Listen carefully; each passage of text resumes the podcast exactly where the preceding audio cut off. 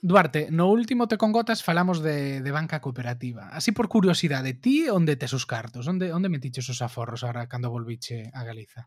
Pois teños onde os tiven sempre que é na opción menos cooperativa posible que é a banca, que é, eh, tanto son propietarios do Deportivo, como patrocinan o Celta, como xestionan eh, os meus eh, aforros. Pero que conste que nas próximas semanas, ou, bueno, levo tempo, tempo dicindo isto, pero desta volta vai a ser así. Nas próximas semanas vou cambiar para unha opción que encaixe máis co, cos meus valores. Claro, si se pode saber. Sí, ese, eh, bueno, aínda non o deciden ao 100%, pero eh, ahora mesmo creo que Caixa Rural Galega vai ser vai ser a opción onde eu meta, onde meta os cartos. Correcto. Pois xa me contarás. Sí. Eu, eu andivenlle dando voltas tamén ao tema de Caixa Rural, pero son demasiado preguiceiro como para facer os trámites e informarme como Deus manda. Eu tiven no mm. pasado os cartos en Tríodos Bank, cando fun para o Reino Unido pois cancelei a conta e agora de volta pois eh, abrin a, abrin a conta de aforros no, en a banca pero como uh -huh. ti dis, pois sí que me gustaría telos nunha nunha opción algo máis eh, bueno, ética máis aliñada cos Exacto, teus valores. máis ética ou máis aliñada cos meus valores eh, bueno, Caixa Rural pode ser unha opción, pero bueno, xa xa me dirás.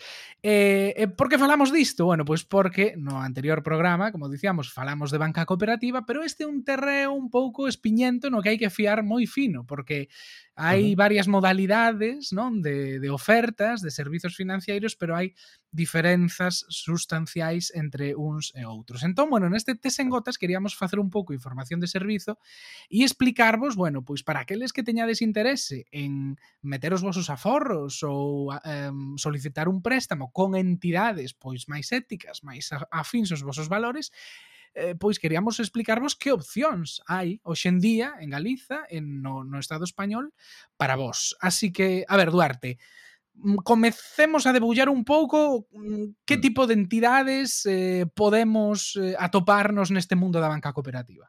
Mm. Bueno, pois en que non, non son estritamente banca cooperativa, eh, a opción máis clásica, e eh, que agora xa case desaparecida, son as, eran as tradicionais caixas de aforro. Se falamos de banca, digamos, cunha finalidade eh, social. Ainda que neste caso non era cooperativa, porque legalmente eran fundacións, pero bueno, ese é outro outro tema, pero claro, eso xa non, deso xa non, non queda nada, entón, aínda que sí que tiñan a obriga de reinvertir os seus beneficios en obra social, eh, a partir do proceso de bancarización que houbo pois na década dos anos 10, agora mesmo creo que só quedan dúas e ningún en sí, Galiza. dúas, ¿no? a Caixa Ontillent, que está en Valencia, e Caixa Puyensa, que está en Baleares. Son aí dúas claro. pequenas entidades que resisten como, como galos. Entón, para un aforrador galego, isto igual non é, non é a mellor opción, pero bueno, creo que había que mencionalos porque onde tradicionalmente a maior parte da, da xente pois metimos o, os nosos aforros. Precisamente se teño conta en a banca é legado de ter sido de, de Caixa Galega. Claro. E despois, eu mencionaba Triodos Bank. Triodos Bank mm. é banca ética, pero non entraría no que consideramos como banca cooperativa, non?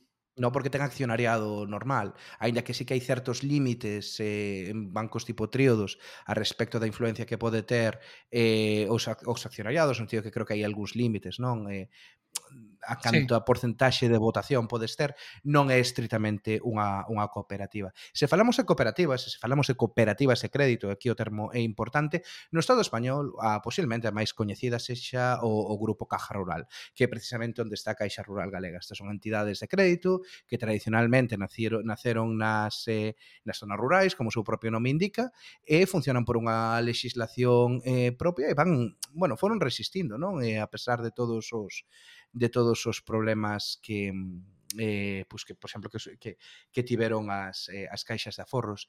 Estas son, son entidades que, por unha banda, son cooperativas, por outra banda, teñen unha finalidade eh, social, e e a, a maiores teñen moita vinculación co territorio, non? Entón, pois, por exemplo, vemos cousas pois, como que teñen moitas sedes e, e moitas oficinas en zonas pois, pouco poboadas, esta é parte, digamos, dos seus, dos seus valores de, de servizo público. A nivel de legal, unha cousa que teñen de interesante as cooperativas de crédito é que, claro, están completamente protegidas eh, bueno, eh, polo, polo Fondo de, de Garantía de Depósitos, eh, teñen que seguir toda a regulación que teria que seguir un banco, e a maiores diso, teñen que seguir a, mm, a, a regulación da, das cooperativas e ofrecen servizos pois, de todo tipo. Aquí sí que podes desabrir unha conta corrente, unha conta de aforros ou un fondo de investimento. É quizáis unha das opcións máis eh, máis completas, non? Que dentro de todas estas eh, Claro, e cal é a relación, para facermonos unha idea, entre o que é o Grupo Caja Rural e Caixa Rural Galega? É dicir, ata que punto Caixa Rural ten autonomía con respecto ao grupo? Pois polo que eu máis ou menos puden ir lendo e isto, bueno, pois aquí estou respondendo como se fose eu de Caixa Rural, que non o son, así no, que Non nos están pagando, rural. eh? Se, nos, non nos están pagando. Podía. Se nos escoitades podedes pensar, isto parece bastante unha publi reportaxe, no. pero non, non o é. Iso di bastante no. de nós en canto a idiotas, pero bueno, ninguén nos está pagando. Eh, no, a, a, a difer sí que bueno, funcionan como identidades eh, entidades independentes, pero son unha asociación que tenden a compartir servizos, pois por exemplo, servizos electrónicos, eh, Rural Vía e algúns servizos máis, pois compártenos entre as distintas entidades, pero a priori son son entidades eh, independentes eh, e autónomas cos seus propios estatutos, cos seus propios eh, socios e socias en cada unha en cada unha delas. Pero non son a única, eh? tamén é entidade cooperativa, eh, cooperativa de crédito. Por exemplo, no País Vasco é moi coñecida eh, Laboral Cucha, que é importante porque eh, bueno, eh, a Caja Laboral, que é unha das, das que están na orixe disto, eh, está asociado ao Grupo Mondragón, que, como todos sabemos, é, eh, digamos, o, o pope do cooperativismo no, no Estado español e teñen moita penetración de mercado, pero claro, só no País Vasco e en Navarra. Bueno, pois pues entón temos as caixas de aforro, que non son banca cooperativa, pero teñen unha finalidade social, temos a banca ética, que tampouco é banca cooperativa, pero, bueno, pues sí que fai uns investimentos éticos e se rixe por outros principios.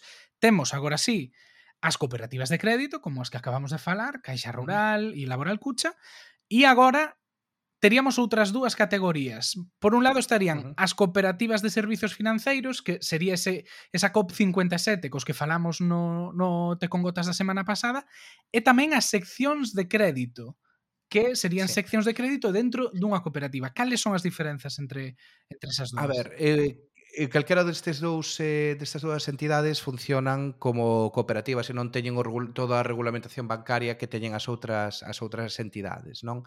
Entón iso implica que teñen algunhas limitacións eh, e tamén algúns algún riscos, pero tamén certa flexibilidade. No caso de COP57, pois como xa calquera que escoitase o, o podcast da, da semana pasada, máis ou menos xa temos a idea do que fan, prestan é unha, é unha cooperativa que lle presta servizos, no sentido de que dan créditos e, e, e financiamento a outras entidades. Non, pre, non usan préstamos persoais, pero pero dan eso, dan préstamos a entidades de economía social.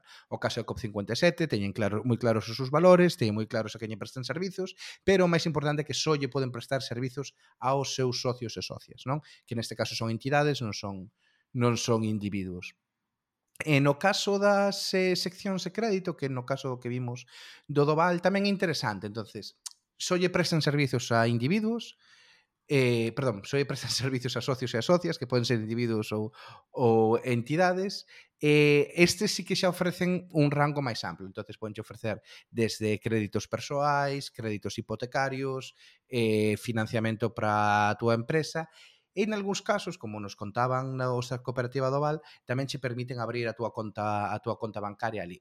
Cal é o truco aquí? Que en teoría estas entidades non poden acceder ao sistema bancario tradicional, non poderías facer transferencias, non poderías domiciliar a, no, a nómina e todo iso.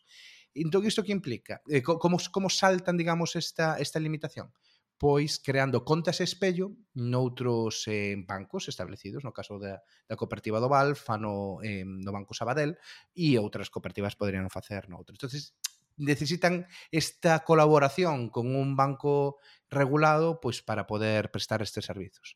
O risco que teñen estas dúas entidades, pois que dous tipos de entidades que non están co, eh, co, ou non est, non ir digamos, pola regulación eh, da banca, hai determinadas garantías que tampouco teñen. entonces non tes eh, o fondo de garantía de depósitos, é dicir, que se entidade de quebra eh, non necesariamente non vas a non tes as mesmas garantías de recuperar o teu, os teus cartos. E isto, por exemplo, pudo ser algún problema, deu algún problema no pasado, en Narón houbera unha cooperativa que se chamaba Cooperativa de, de Pedroso, que quebrou e Mm, abriu un conflito moi importante pois con xente que tiñan os seus aforros aí para ver canto podían recuperar, non? Eh, pero claro, non tes esa garantía do Estado porque non é unha entidade unha entidade bancaria.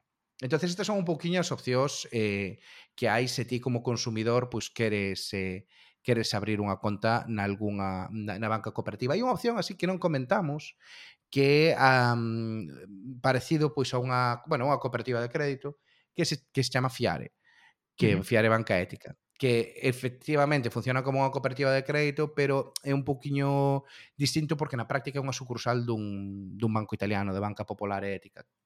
Entón, si sí, sexa é unha cooperativa de crédito, como podría ser Caixa Rural ou todas estas, pero a regulación é un chisquiño diferente, porque, por exemplo, o Fondo de Garantías non é o español, é o italiano, é, é lixeiramente distinto, pero tamén ofrece servizos servizos bancarios. Bueno, pois ata aquí eh, o Tes en Gotas de hoxe, ese podcast onde tanto informamos pois da xornada laboral de eh, 4 días a semana como de servicios financeiros na, na banca cooperativa. Agardamos que vos interesase, que, bueno, que vos fose útil, especialmente se si estades pensando en mudar os vosos aforros de algún banco tradicional a, a algunha entidade algo máis eh, ética, eh, ou cooperativa, eh, nada, eh, xa sabedes que nos podedes seguir no, no noso newsletter en Sacarina, eh, nas redes sociais, en Facebook, Twitter e Instagram, e escoitámonos en dúas semanas, no próximo Te con Gotas.